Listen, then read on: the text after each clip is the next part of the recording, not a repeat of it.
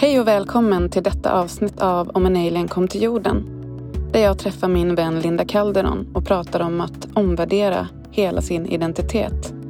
När livet tar en helt annan vändning än vad man först trodde den skulle ta. Jag heter Therese Storm och det här är Om en alien kom till jorden-podden. Hej Linda, välkommen till Om en alien kom till jorden-podden. Tack. Du har ju ett brinnande intresse för personlig utveckling. Vad tror du att det intresset kommer ifrån? Ja, alltså det börjar nog... Eh, alltså det har nog alltid varit så. Sen jag var väldigt liten har jag varit fascinerad och intresserad av människors beteende framför allt. Och varför man gör och tänker och agerar på ett visst sätt. Var kommer det här ifrån? Och jag brukar tänka så här att vi människor vi är exakt likadana uppbyggda egentligen. Vi har en hjärna som, ja, som ser likadan ut. Men vad är det som gör att vi är så olika? Vi är väldigt lika, men vi är samtidigt väldigt olika. Och vad är det som gör att vi agerar på olika sätt i olika situationer? Och, och så. så jag, ja, jag brinner verkligen för människors beteende och, och ja, men psykisk hälsa. Ja. Så jag har läst som sagt då, psykologi på universitetet, och, men jag ville inte bli psykolog. jag vet inte, det är ja, väldigt intressant tycker jag. Och vad har du kommit fram till? Vad är, det som, vad är det som skiljer oss åt? Varför reagerar vi på olika sätt? Det är ju mycket, alltså, ja, det är ju både biologi, då genetiskt och miljö. Och vad du har gått igenom i ditt liv. Och beroende på, och ja, men det du går igenom i ditt liv, det formar ju dig. Det formar ju din hjärna och det blir ju mönster som du sedan, eh, till exempel man, går man i terapi så är det oftast ett invant mönster man ska försöka bryta. Om det då är ett mönster som får dig att må dåligt eller agera på vissa sätt i olika situationer. Så att det är både som sagt generna, det du har med dig och miljön. Och något som är väldigt intressant är forskning på till exempel psykopati eller psykopater. Och du kan ha den liksom genen och föds du då in i en miljö eh, där det är ja, men kanske eh, misshandel eller föräldrar som har missbruksproblem eller men, men en problematisk uppväxt så kan du trigga den här genen eller det här beteendet då. Men kontra då om du har den här genen och föds in i en, ja, men en mer harmonisk miljö då, så behöver inte den här eh, genen eller anlaget triggas. Mm, en trygg miljö. Ja, och det är jätteintressant. Nej, men sånt kan jag verkligen gå igång på. Funderade ett tag om jag skulle bli hjärnforskare, men det, men det tänkte jag, det tar jag i nästa liv eller så. Vad tror du att en utomjording rent allmänt hade tänkt om platsen och människorna om den kom hit? Sånt här går ju min hjärna igång på som fasiken, för att jag, det är liksom för mig, då börjar jag tänka så här, okej, okay, först har de lyckats ta sig hit så måste det ju betyda att de har kommit väldigt långt i just den här ja, men tekniska delen. Då. De har lyckats att ta sig hit och det krävs ganska mycket intelligens. Då. Eh, samtidigt som det behöver inte betyda att de har samma känslomässiga intelligens som vi människor faktiskt har. Och sen har jag ju en bild av att planeten som de kommer från är lite som Avatar. Det ser ut, det är jättevackert. Men för dem så är detta något nytt eh, och de skulle nog bli väldigt fascinerade på ett sätt över oss människor. Och jag tror att de har iakttagit oss och iakttar oss och kan säkert ta lärdom när det kommer till det känslomässiga planet. Men sen finns det ju en annan infallsvinkel då att de kanske även har kommit väldigt långt mentalt och känslomässigt som gör att de, eh, om vi ser det från det hållet, att de kanske kanske blir, känner att gud, ni har inte fattat grejen med vad det här livet innebär. Och vad tror du livet innebär? Jag kan ju bara utgå från mig själv och min livsfilosofi är ju att behandla andra som du själv vill bli behandlad. Ja, men med kärlek. Mm. Och att livet på planeten är inte en one man show. Utan vi är här för att hjälpas åt. Det är, vi är här tillsammans. Jag, jag, men jag tror det är viktigt att man, jag ser livet som en gåva och att man verkligen tar vara på det här livet. Och jag tror ju någonstans, många religioner och så, då har man liksom att ja, men efter det här livet, då når man nirvana eller himlen Eller, och det är jättevackert och det är underbart. Det här är ju paradiset. Det här är ju vad vi kallar himlen på något sätt. Det är ju, det är ju magiskt. Men det är inte lätt att hitta dit. Alltså. För livet är ju också väldigt, väldigt tufft stundtals. Du har ju sjukdomen centronukleär myopati. Vill du berätta vad det innebär? Det innebär att jag har en ofullständig bildning av muskelceller som gör att alltså, det, är en, det är en genetisk överförbar sjukdom. Eh, mm. Jag har ett fel på, på en gen som gör att min kropp inte kan bilda några nya muskelceller eller de jag bildar är liksom deformerade. Det är ju all viljestyrd, eh, alltså skelettmuskulaturen som är påverkad i kroppen. Så jag blir ju svagare och svagare i min muskulatur och det går ju inte då att träna upp eller att jag kan alltså inte bli starkare genom fysisk träning. Och hur påverkar sjukdomen din vardag och ditt liv? Jag har ju personlig assistent eller personliga assistenter som hjälper mig i min vardag eh, dagligen. De första åren, alltså när att bli sjuk eller när jag blev sjuk så var det ju först så tror jag inte jag insåg, jag fattade liksom inte att jag var så pass sjuk. Jag kunde ju gå och så. Och det var många, många tuffa år, alltså riktigt tufft. Väldigt eh, stora existentiella frågor. Och, men idag, jag ser det som att okej, okay, det var den här farkosten som min själ valde den här gången. Och det är det här jag har att jobba med. Men innan jag kom dit så var det jättetufft. Du började få symptom när du var 17 år och sen tog mm. det många år innan du fick din diagnos för du blev feldiagnostiserad. Ja. Hur var den tiden för dig? Ja, alltså jag har ju varit väldigt, väldigt fysiskt aktiv. Jag har ju älskat att använda min, min kropp och jag älskade ju i stort sett att hålla på med alla möjliga sporter. Liksom. Det var ju min identitet låg i min fysiska kropp. Liksom. Och sen gick jag ju, jag hade ju tänkt att bli musikalartist och dansare då. Liksom. Och när jag fick första symptomen så, så trodde jag kanske först bara att jag hade överansträngt mig för jag dansade så himla mycket. Jag hade lite ont i leder och så. Och jag hade ju knappt, knappt haft feber i stort sett innan jag blev sjuk. Jag hade ju nästan aldrig varit hos läkaren. Jag var ju hälsan själv. Så det var ganska svårt att ta in. Det var liksom som att det inte handlade om mig. Det var nästan mm. som att det var lite spännande på något sätt. Jättekonstigt. Det var liksom... Jo, men det var nästan... Det har jag nog aldrig sagt förut, men jag tror att det var lite spännande. Åh, det här, något nytt och wow, ah, okej. Okay. Var du rädd någonting? Nej, aldrig. Men alltså, då tänkte jag nog så här, ja, men är det bara så här så funkar det. Eh, jag trodde aldrig att jag skulle hamna i rullstol. Liksom. Och sen så fick jag då rätt diagnos 2003, 2004, att det var en muskelsjukdom. Och inte då fattade jag inte heller liksom, att och jag minns en gång när jag var med min far på apoteket och så var det en kille som satt i rullstol, en ganska ung kille. Så sa jag till min far att du pappa, om jag någonsin hamnar i rullstol, då kommer jag ta livet av mig. Sa jag. För det kommer jag aldrig fixa liksom. Och idag sitter jag i rullstol mm. liksom. Och jag tog inte livet av mig. Du är ju verkligen en av de mest positiva människor som jag känner. Har du alltid varit så? Eller liksom, är det någonting som du tror har blivit så i och med sjukdomen? Jo, men det har jag nog alltid varit. Jag brukar säga att eh, jag har, jag har fått the happy gene. Eh, för ibland börjar jag undra själv liksom, hur jag kan vara så glad liksom, och positiv.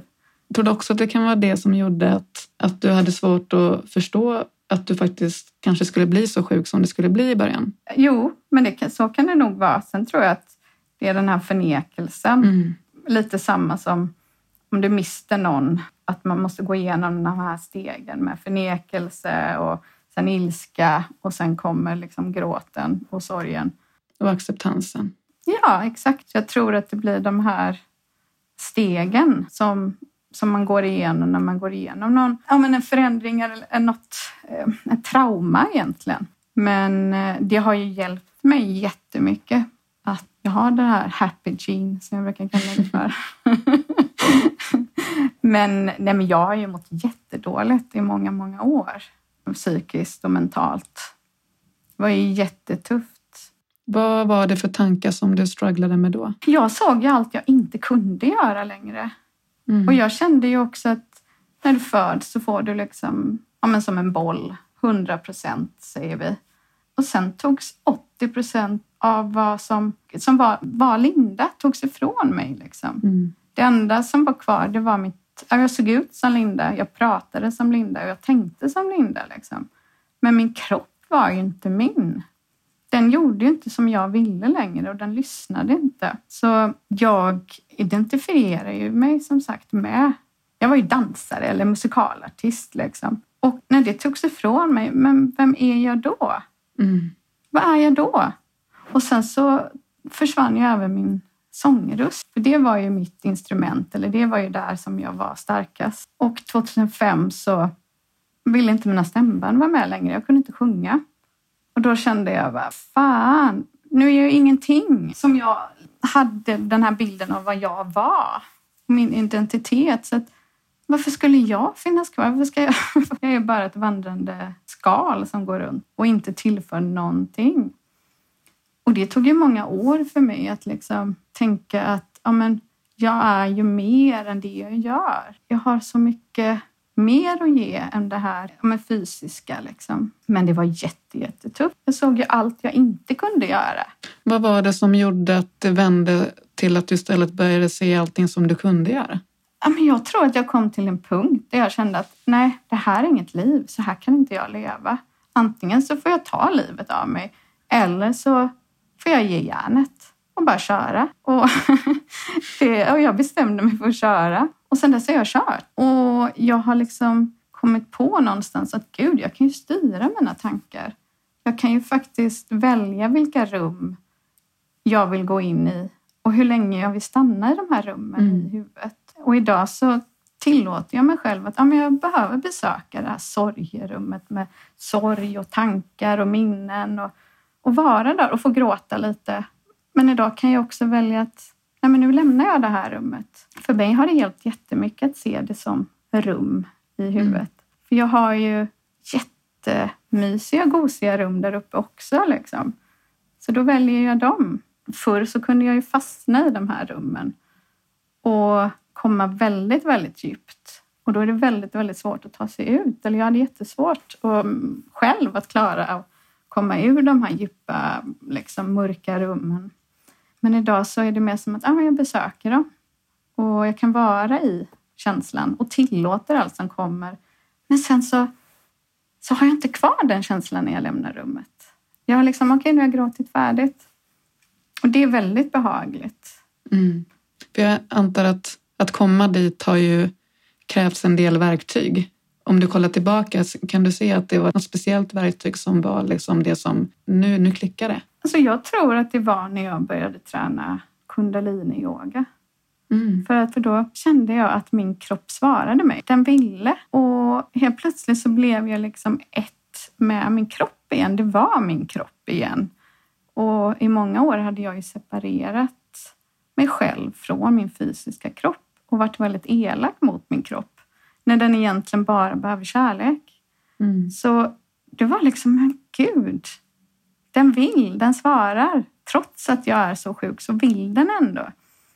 Och så där började liksom min resa till att faktiskt ja, men må bättre och bli ett med kropp och själ igen. Kan du se att din sjukdom har format din personlighet på något sätt som du har idag? Den har väl förändrat mig att se på människor på ett annat sätt tror jag. Och människors beteende och att jag har lärt mig väldigt mycket om människor.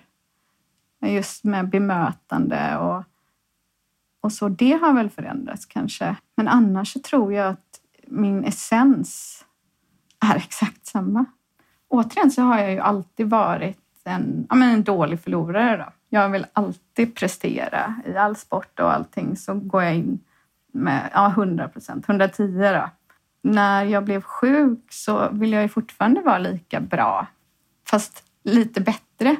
Jag har ju en känsla av att för att jag ska liksom få ett jobb eller när jag pluggar så, så måste jag vara lite bättre än en gående mm. för, eller en frisk person för att jag sitter i rullstol. Och det kan vara jättejobbigt stundtals att jag ska hela tiden överprestera och det blir en stress för att bevisa att jag duger ändå. Just rädslan för att ja, men, kommer de anställa mig när jag sitter i rullstol, när de har en person som inte sitter i rullstol och är lika bra. Men om jag är lite, lite bättre, då kanske jag blir anställd. För tyvärr ser samhället ut så. Det är fortfarande en rädsla för människor som sitter i rullstol eller som har en sjukdom. Så, men jag försöker att tänka på det, att jag behöver inte och det är inte heller alltid för att jag ska bevisa för någon annan hur jävla bra jag är. Liksom. Utan det är för mig själv ja. mycket också. Jag antar att det också är dagsform? Självklart. Mm. Självklart. Vad tror du att en utomjording hade sagt om hur vårt samhälle är så pass oinkluderat som det är för de som har olika funktionsvariationer eller avviker på olika sätt? Man kan ju hoppas någonstans då att de på deras planet ser det som en tillgång på något sätt. Berätta mer hur du tänker. Att personer med olika funktionsvariationer faktiskt är en tillgång till samhället. Att det blir mer colorful. Liksom. Vi har, eh, det är så färgrikt. Och andra perspektiv, eller hur? Ja, nej men verkligen. Och inte det här fyrkantiga, inrutade, raka vägen. Och jag tycker den är jättesvår. För det är ju mer en, en, en önskan mm. att det skulle vara så. Att de faktiskt eh, inkluderade mer. Och det handl, allt i grunden handlar ju om okunskapen kring personer med funktionsvariationer och en rädsla. Liksom. Jag kan ju hoppas att de har kommit längre med kunskapen kring personer med funktionsvariationer och inte har den där rädslan kvar. Så det är nog mitt svar. Tack Linda. När är det som jobbigast? När blickar från folk som inte sitter i rullstol tittar på dig? Finns det någon situation där du känner liksom att alltså de kommer bara se rullstolen, de kommer inte se mig? Ett exempel är ju om jag till exempel söker ett jobb och jag skriver i min CV att jag har en funktionsnedsättning och sitter i, använder rullstol. Där har jag märkt en skillnad. Att om de inte har träffat mig innan så har de en bild av redan innan vem jag är och hur jag är och mitt CV sållas bort. Jag får inte ens svar. Medan skriver jag exakt samma CV men inte nämner mitt funktionshinder så får jag komma med en gång på intervju. Men det är svårt för jag är ju också sån, när ska jag berätta? För jag vill samtidigt inte chocka personerna att ah, men nu kommer jag inrullande, aha, hon sitter i rullstol. Att det blir den chocken. Så jag vill samtidigt att människor ska vara beredda på att det faktiskt sitter i stol. Sen kan det ju vara så att jag förstorar upp det själv också. Jag minns till exempel när i början jag träffade min sambo och vi skulle träffa hans vänner. Och så sa jag att ah, du kan väl säga att jag sitter i stol så att de vet, så inte de blir obekväma när jag kommer. Och min sambo var, men vad spelar det för roll? Jag bara, nej men det är för deras skull då. För att inte de ska bli obekväma liksom. Han bara, okej. Okay. Han tyckte det var jättekonstigt. Och sen har jag tänkt lite på det. Jag bara, men vad fasiken, är det för min egna skull eller är det för deras skull? Och jag har fortfarande inte så här, men jag vill ju underlätta för människor. För jag vet ju hur obekväma människor kan bli. Ja, och det, det, tycker jag är lite spännande hos mig själv, mitt beteende där. Varför vill jag att han ska berätta att jag sitter i stol första gången vi ska träffas? Liksom? Hur har det varit att dejta? Har det varit någonting som du känt som ett hinder när du dejtat tidigare i ditt liv? Självklart. Jag menar, och idag när vi lever i eh, nätdatingvärlden, liksom, återigen, ska jag lägga in en bild när jag sitter i stol eller ska jag lägga in en bild när jag sitter i en soffa bara? Eller så var det alltid, ja men min, jag känner en som har MS, bla bla bla. Och så blev det väldigt fokus på min sjukdom och inte mig som person. Och jag funderade mycket på, så, ja man ska gå på dejt då. Ska jag säga innan, ja bara så du vet, sitter jag i rullstol? Eller ska jag bara komma inrullandes? Då kommer ju den här personen, han kanske, kan, kanske inte kommer resa sig upp och gå med en gång, men det blir ju en chock för personen. Ska jag utsätta den personen för det? Alltså någonstans in the end of the day så tänker jag att det blir ju en, så ska du utsätta dig själv för att den personen ska bli chockad, ja, eller hur? Exakt. Exakt, det är det, det, det är det det handlar om. Det är precis så det är. Jag vill inte utsätta mig själv för det heller. Så att få skydda mig själv. Så, så, men det är svårt hur, hur, ja, men hur jag ska göra de lägena. Nu behöver jag inte tänka på det längre, men det var ju skittufft såklart. Om jag förstår dig rätt så är det jobbigt att helt plötsligt så blir du inte Linda, du blir din sjukdom. Ja, Finns det någonting ja. som du skulle liksom vilja skicka med till någon som inte har det här perspektivet eller erfarenheten, hur, hur de skulle kunna tänka kring det? När du ställer den frågan så kommer det upp en grej i mitt huvud som jag har funderat lite kring. Och det är, och det, det, är så dubbelt i mig för jag förstår människor är nyfikna och det, de vill lära sig och det tycker jag är jättefint och det är så man kommer vidare med kunskap och lärdom. Men när jag är på fest eller ute så blir det så, återigen så mycket fokus på vad har du för sjukdom, varför sitter du i stol? Och då får jag ju varje gång sitta och prata om mitt livs största trauma. Mm. Och, och jag, jag har ju testat att säga, du, jag vill inte prata om detta idag. Men samtidigt så en del av mig vill ju informera, vill ju lära. Men jag tror att man ska, det blir som att människor, bara för jag sitter i stol så blir det som att det är okej okay att fråga mig om mitt livs största trauma när jag träffar nya människor. Jag frågar ju inte om Förstår vad jag menar? Det som inte syns. Absolut. Men det är så dubbelt för samtidigt så, så är det ju jättebra att informera. Men ibland så blir det så här, det blir bara fokus på mitt liv och min sjukdom och mitt, det tragiska, fruktansvärda som jag har gått igenom och som det faktiskt innebär att drabbas av en, en kronisk muskelsjukdom eller en sjukdom. Liksom.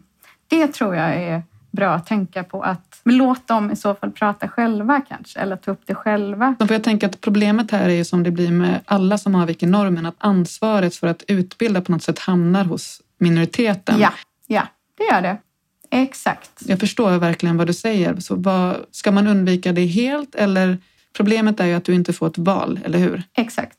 Så skulle man kunna fråga, vill du prata om det här eller inte? Eller är det också jobbigt? Det är återigen, det handlar ju om mig där. För att jag känner ju att nej, men det är mitt kall i livet att informera. Och så gör jag det ändå, även om jag får den frågan, är det okej okay att du mm. frågar?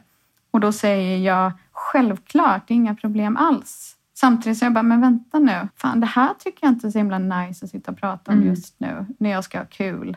Då kommer hela kvällen kretsa kring det. Liksom. Så att det är ju mitt ansvar där egentligen, att faktiskt, nej vet du vad, jag har ingen lust att prata om detta ikväll eller idag.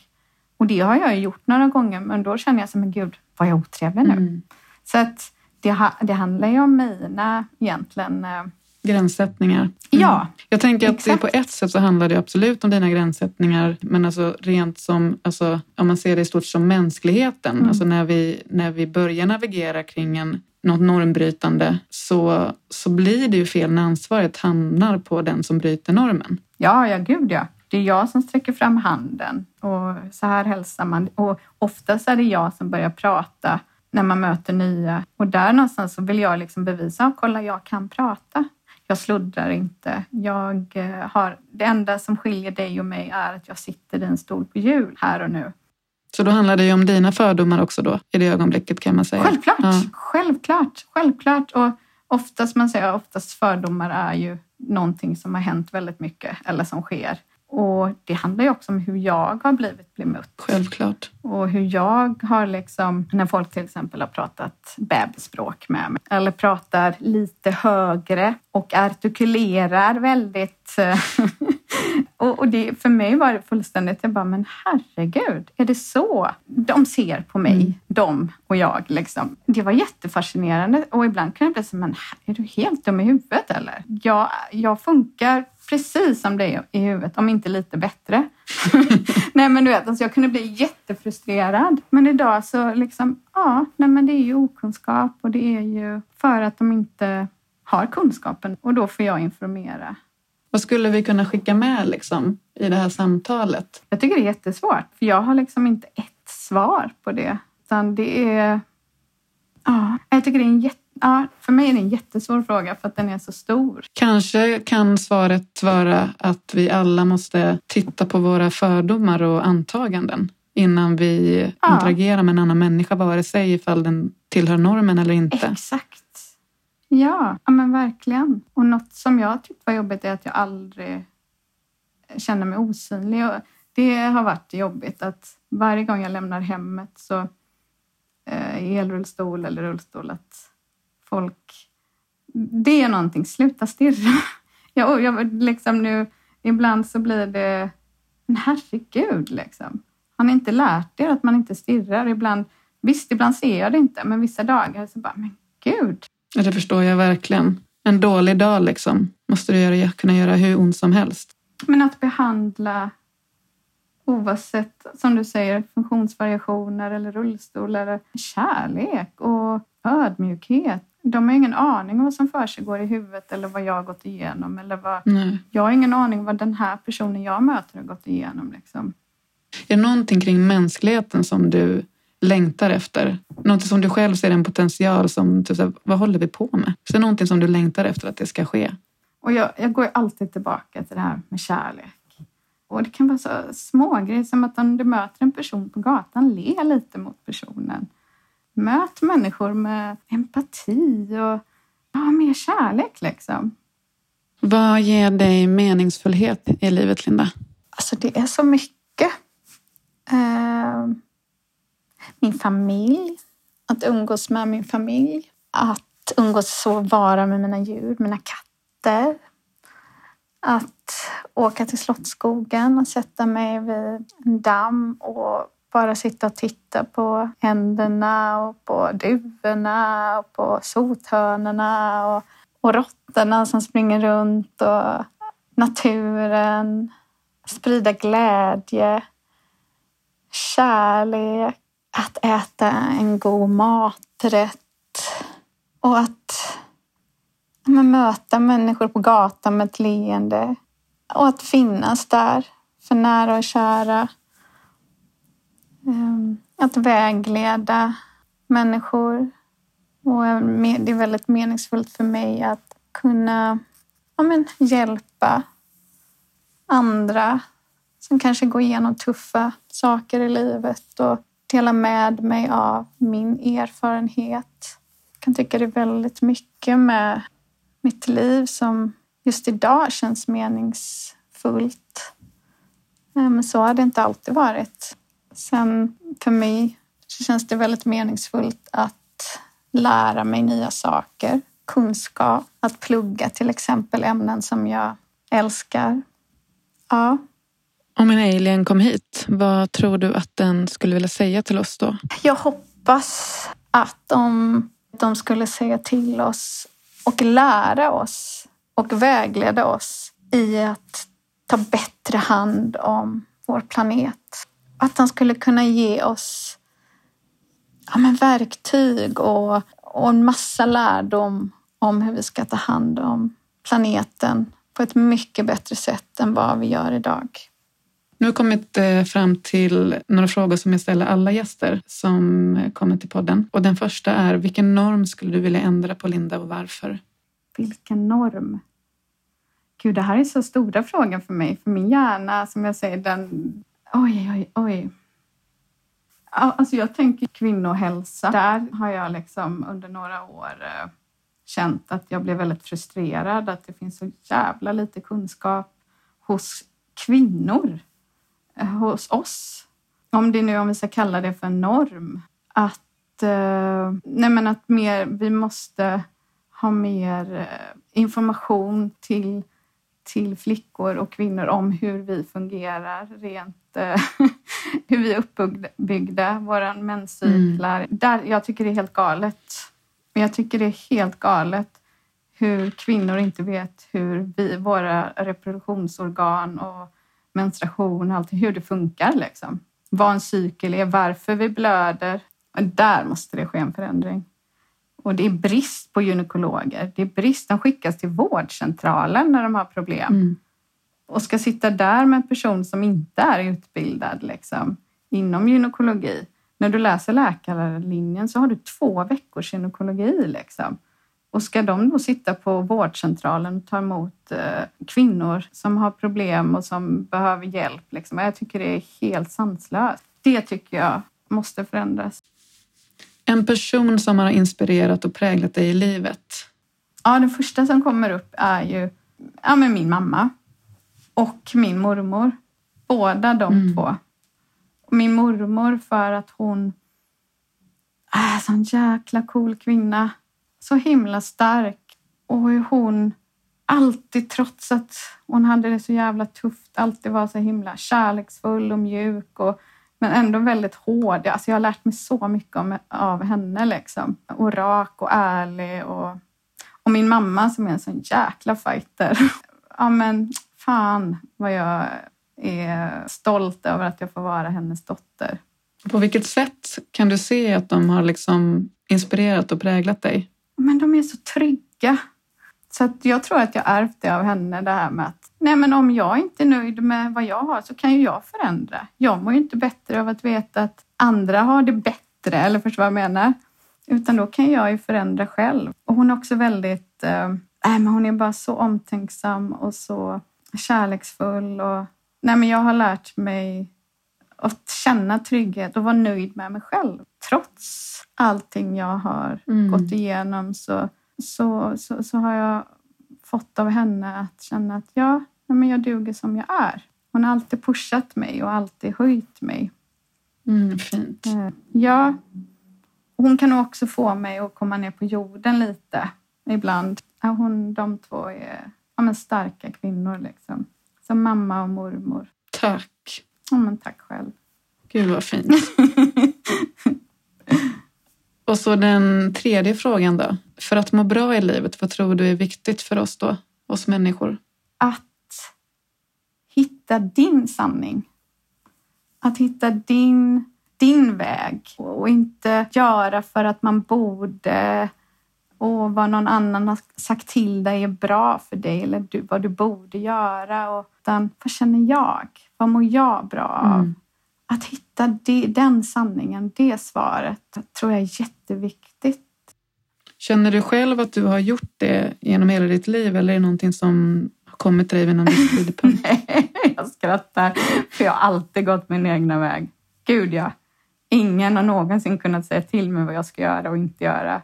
Det är liksom, jag känner mig ibland fortfarande vid 40 års ålder som en jävla barn om någon säger till mig vad jag ska göra. Så bara, nej, det ska jag inte göra. Så eh, ja, när jag har verkligen gått min egna väg. Är det någon annan tankesätt som har hjälpt dig genom livet? Mitt sätt att klara av det här livet och må så bra som möjligt är ju min syn på att jag har levt. Det är inte första gången jag är här. Sen om det är sanning eller inte, det vet jag inte. Men det är, det är den sanningen jag har skapat och som hjälper mig. För hade jag sett att mitt liv, jag får bara ett liv och det är det här, då gör det mycket ondare i mig än att liksom min syn på det är att nej men fasiken, jag har varit här förut och det kan jag känna. Och att jag kommer få mer liv. Och sen om det inte är så, vem vet? Men det får mig att, att må bra. Liksom. Jag tror man får mm. hitta sin egna sanning. Det inte finns ett universalt svar som är samma eller universellt svar som är samma för alla utan man får hitta sitt egna kall eller egna svar eller sanning. Sen också det här med att faktiskt kunna styra sina tankegångar och sina tankar. Och då menar jag inte att kontrollera på ett eh, överdrivet sätt men faktiskt vara medveten om att det är ingen annan som, som tänker för dig utan du lika mycket som du kan ta dig till de här rummen så kan du faktiskt lämna dem även om det är jättesvårt. Det kräver en kraftansträngning men det går. Ja, ja. Och jag tror som allt annat, om du börjar praktisera det och träna det så, så kan du faktiskt lära dig att till och med i kraftiga konflikter och när du är impulsstyrd och, så kan du liksom, vänta nu, vad händer nu? Nu kan jag stanna upp här. Vilken väg ska jag gå i huvudet? Ska jag börja gå med personangrepp nu eller ska jag... Nej, jag ska andas nu. Jag ska, tänka, jag ska landa i det här och jag, okej, okay, jag hör vad du säger. Men att ta de här konstpauserna eller, och stoppa liksom. Det är jättehäftigt när man märker att gud, jag kan ju pausa mm. här nu. Ja, men då pausar vi lite. Ja, det låter jätteflummigt, men det är väldigt fascinerande. Mm. Ja, men det är mental träning, tänker jag. Ja, ja. Det är väldigt vanligt att människor knappt är medvetna om att du tänker, jag tänker. Och jag vet att det finns många så här, ja du är inte dina tankar. Nej, fast det är ändå det är jag som tänker tankarna. Och att vara medveten om hur jag tänker. Varför tänker jag? Och hur kan jag tänka? Du kan styra dina tankar lite åt, åt riktningar. Och framförallt om man har undersökt dem och förstår var de kommer ifrån, var de triggas från början. Ja.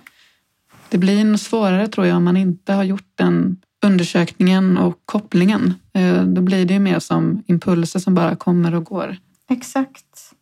Om den som lyssnar längtar efter mer av dig, Linda, vad, vad hittar den dig då någonstans? Jag hade ju en blogg, eller den finns fortfarande. Där kan man ju gå in och läsa Skenet bedrar. Man kan ju söka på mitt namn, Skenet bedrar, och så Linda Calderon. Och så kan man hitta min blogg där. Och, och jag skrev i flera år ganska mycket.